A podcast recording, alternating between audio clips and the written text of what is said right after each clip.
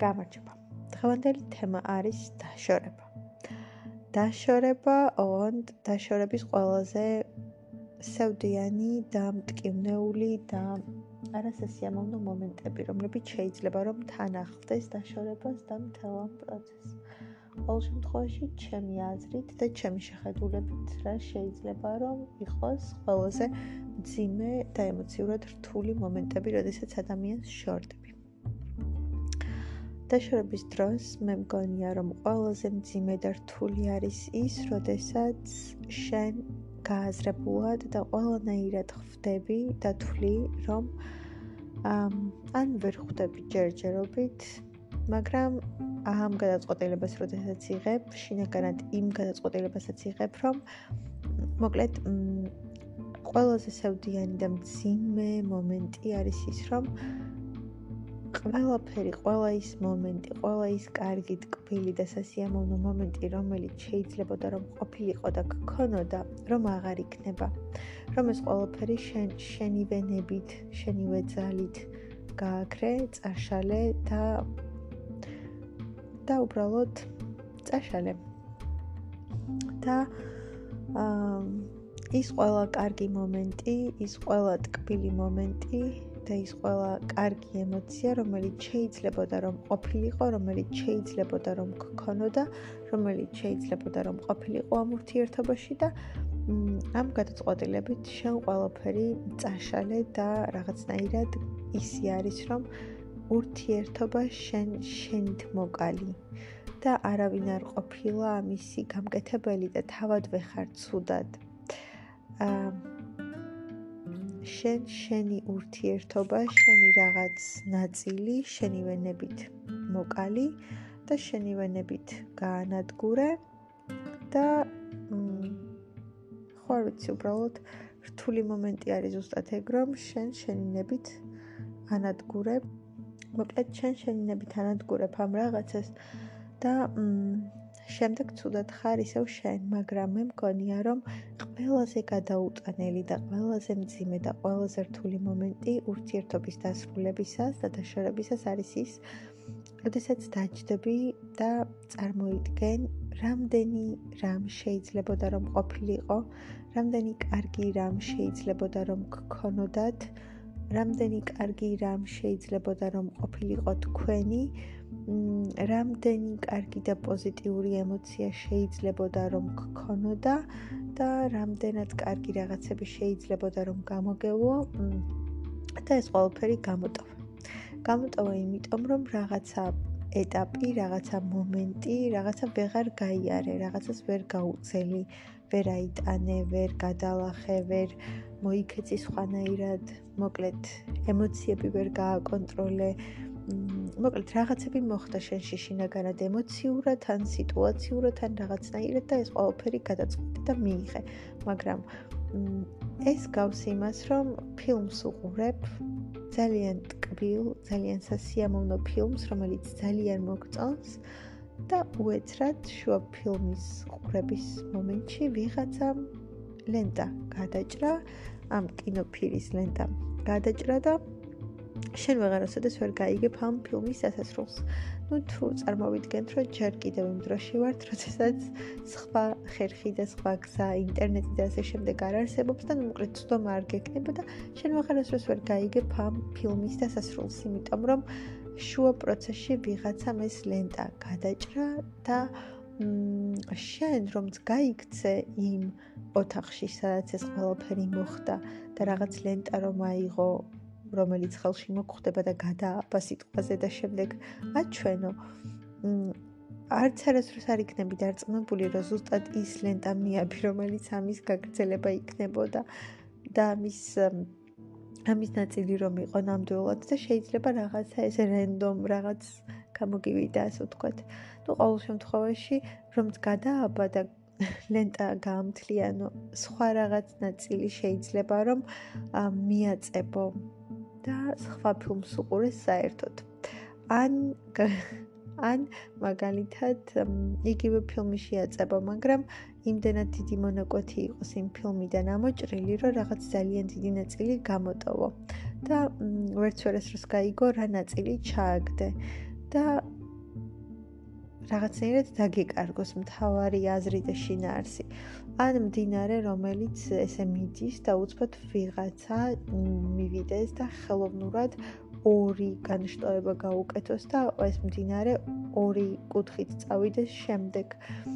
და საერთოდ შემდეგ ვიღაც მოვიდეს და მხოლოდ ერთი კუთხით გადართოს და მე როცა მომდება ხოლმე მეორე კუთხით გადართოს, ანუ აი რაღაც ესე არის, რომ მდინარე რომელიც თვითონ მოდიოდა რაღაცა ესე გზა ქონდა, ვიღაცამ დადგა და სხვა მიმართულება მისცა და მეორე გზით წაიყვანა საერთოდ და იმ გზას რეალურად საერთოდ მიდიოდა, იმ გზას ვეღარასდროს ვეღარ გაიგებ, სად უნდა და რომ წასულიყო, სადამდე მივიდო და მოკლედ, ბუნებრივი აღარ იქნება თითქოს ის მომენტი, რომ შენ ეს ყველაფერი ნახო და დაინახო.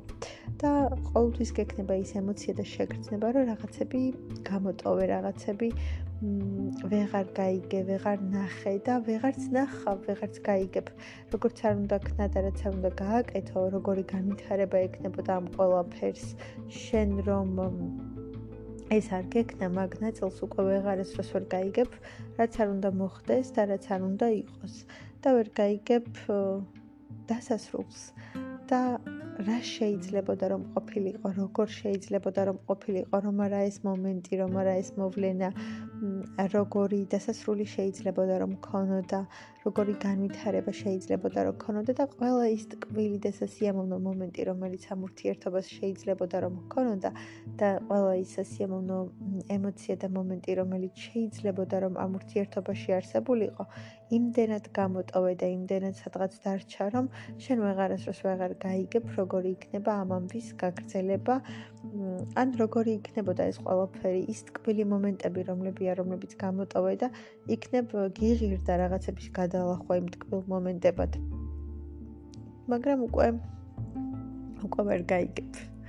და მე მგონია, რომ ყველაზე მძიმე, ყველაზე სევდიანი და ყველაზე ჩამომძიმებელი ნაწილი არის ის, იმის გაფიქრება, რომ რამდენი კარგი რამ შეიძლებოდა რომ ყოფილიყო და მომხდარიყო ამ ურთიერთობაში, შენ რომ ეს პატარა მომენტი შეიძლება უფრო ხანგრძლივიც არის, მაგრამ დრო რო გავა და მაგალითად 5 წლით რო დაშორდები, უკვე ამ მომენტს შეიძლება ძალიან მცირე მონაკვეთედაც მოგეჩვენოს მე.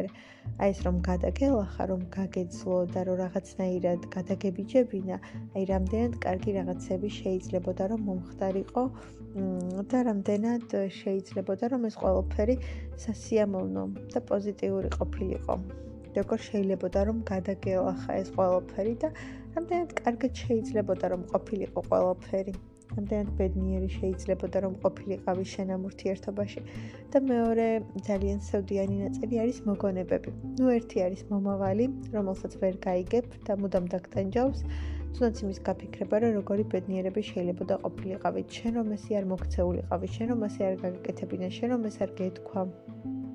შენ რომ ეს არ რა ვიცი, გაგეკეთებინა. ეს გადაწყვეტილება რომ არ მიიღო, რამდენი კარგი მომენტი გამოტავა იმ ადამიანთან, რამდენი ბედნიერი წამი, რამდენი ბედნიერი წუთი. ნუ შეიძლება არც გამოტავა, შეიძლება პირიქით ძალიან უბედურებით სავსე იყო, მაგრამ ხო შეიძლება რომ პირიქითაც იყო, ნუ გააჩნია ჩვენ ამაშინაგანად ალბათ მაინც ვგრძნობთ ურთიერთობა, რომელიც ძალიან მნიშვნელოვანი იყო შენთვის და ზოგ ადამიანს გადის დრო და წლები და მაინც უყვარს.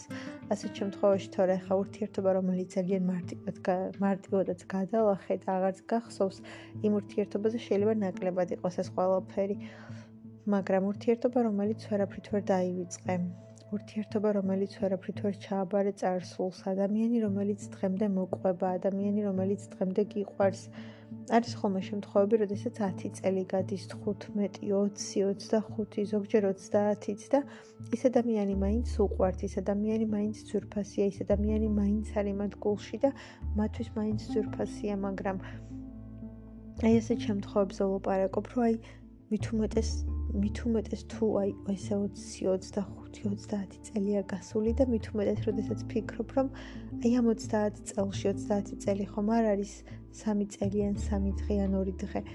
რამდენი რამ შეიძლებოდა რომ კარგი ყოფილიყო, კარგი გქონოდათ და ეს ყველაფერი რაღაცა 60 წლის წინ მომხდარა, მომხდარმა ერთმა პატარა ამბავმა დეტალმა შეიძლება მაშინ პატარა არ იყო, მაგრამ რაღაცა მომენტმა გადაწყვიტა.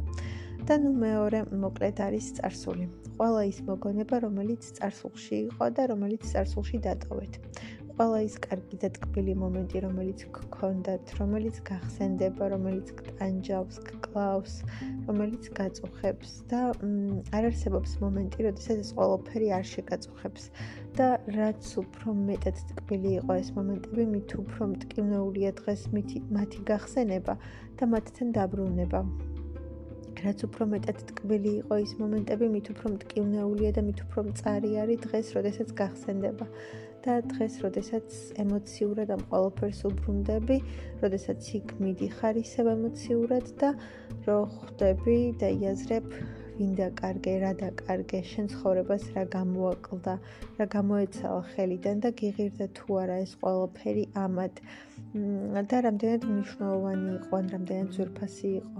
და მართლაც რაც უფრო მეტად ტკბილი მომენტები გვქონდა და რაც უფრო კარგი მოგონებები იყო, მით უფრო მტკივნეული და სევდიანი არის მათი გახსენება და მათთან დაბრუნება. მით უფრო ტანჯველად და მით უფრო მტკივნეულად გვახსენდება და გულს გვაძლის და ემოციურად ძალიან გვფიტავს და ემოციურად ძალიან გვძაბავს ეს ყველაფერი, რომ ეს ყველაფერი წარსულში დარჩა და დღეს ჩვენთან აღარ არის და ეს ყველაფერი მოკლედ ძალიან გვანადგურებს. და ზედმეტად რთული არის ის, რომ ეს ყველაფერი დავკარგეთ. და ეს მოგონებები და ეს გახსენება კიდევ უფრო მეტად მტანჯველია და მტანჯველი ხდება. და ნუ ჩემი აზრით, ზუსტად ეს არის ამ ურთიერთობების დასრულების შემდგომ და დაშორების შემდეგ სირთულე.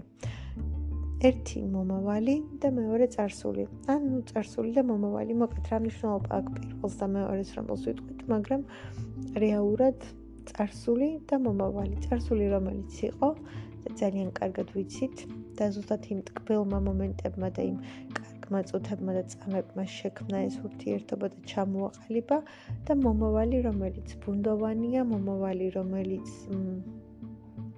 გაურკვეველია, მაგრამ ყოველთვის ფიქრობ ფიქრობ იმაზე, რამდენად ბევრი კარგი და სასიამოვნო მომენტი შეიძლებოდა რომ ყოფილიყო და რამდენად კარგი რაღაცები გამოტოვე და ის გადაჭრილი ფირი, რომელიც გაქვს.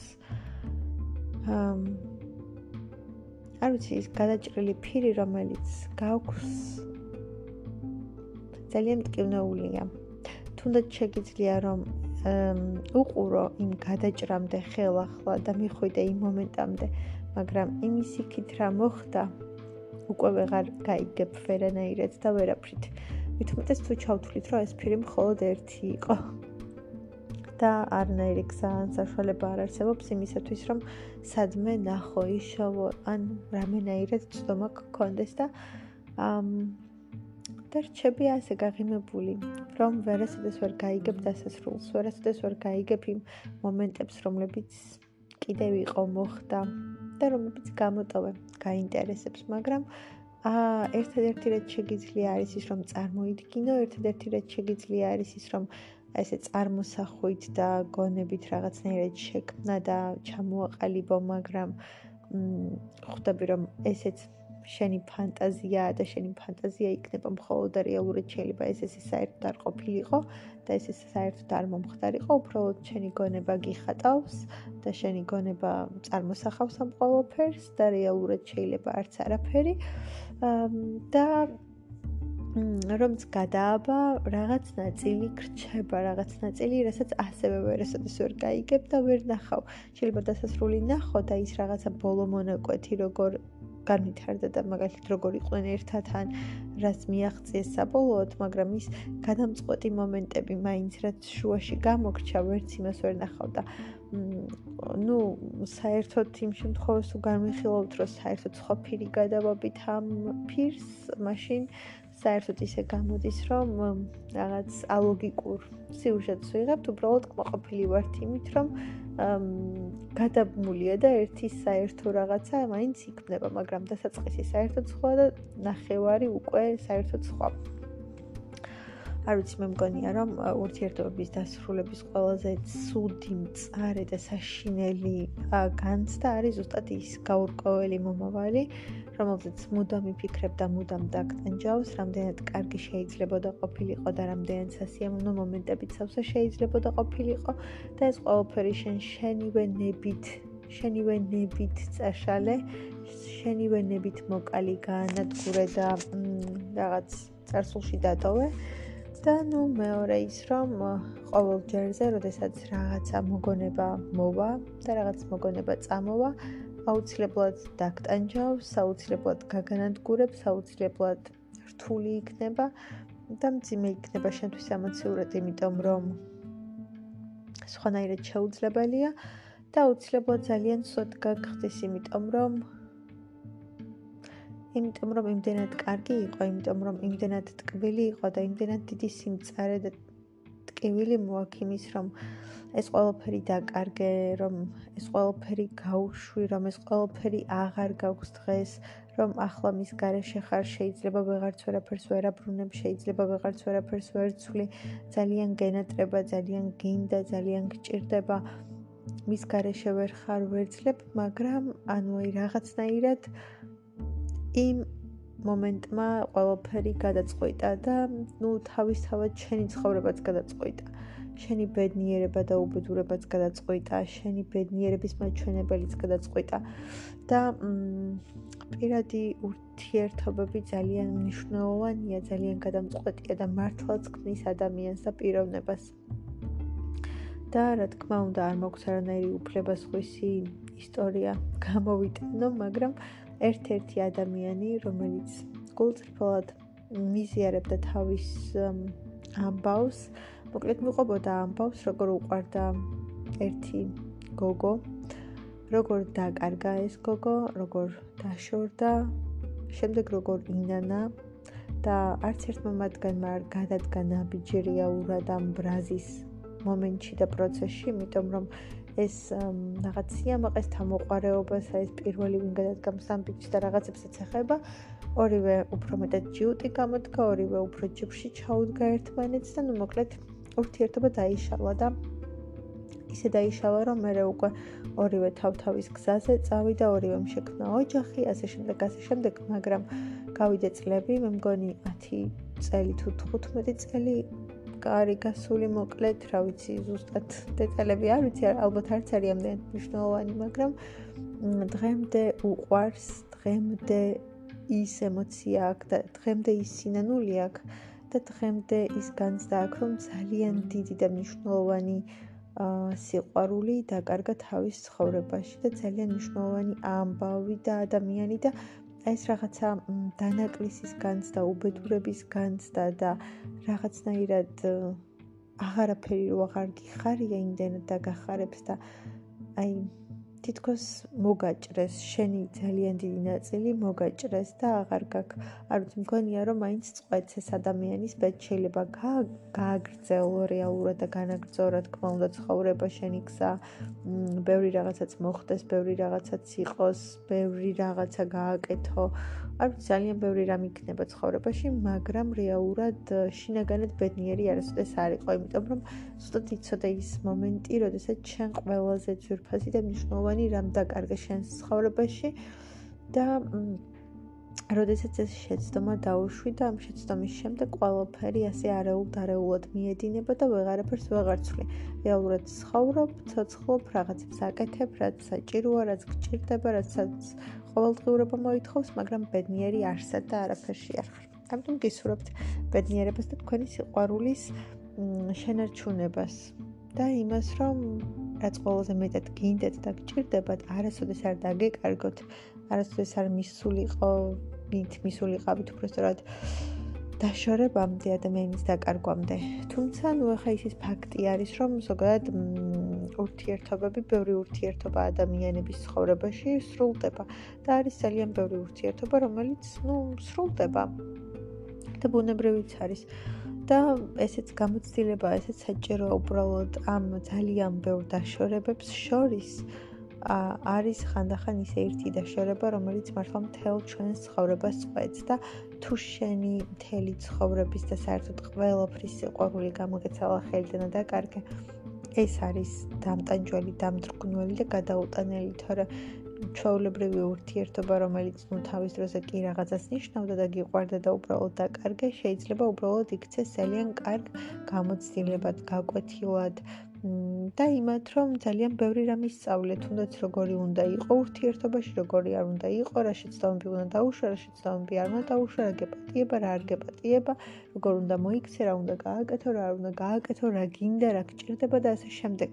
ну გამოცდილებაა ყველაფერი მაგრამ აი ის მთავარი ძალიან დიდი და მნიშვნელოვანი შეცდომა თუ დაუშვი და მთელი შენი ცხოვრების სიყვარული თუ დაკარგი ამას მგონია რომ ვერასოდეს ვეღარ შეცვლი ვერ აინასღაურებ და შინაგანად ყოველთვის გექნება დანაკლისი და ის ძალიან მტკივნეული შეგრძნება, რომელსაც ვერაფრით ვერ გააკრობ და ვერ მოიშარებ. ამიტომ გისურვებთ ბედნიერ სიყვარულს და თქვენი ცხოვრების სიყვარულს არასოდეს არ დაშორებოდეთ და არასოდეს არ დაგეკარგოთ.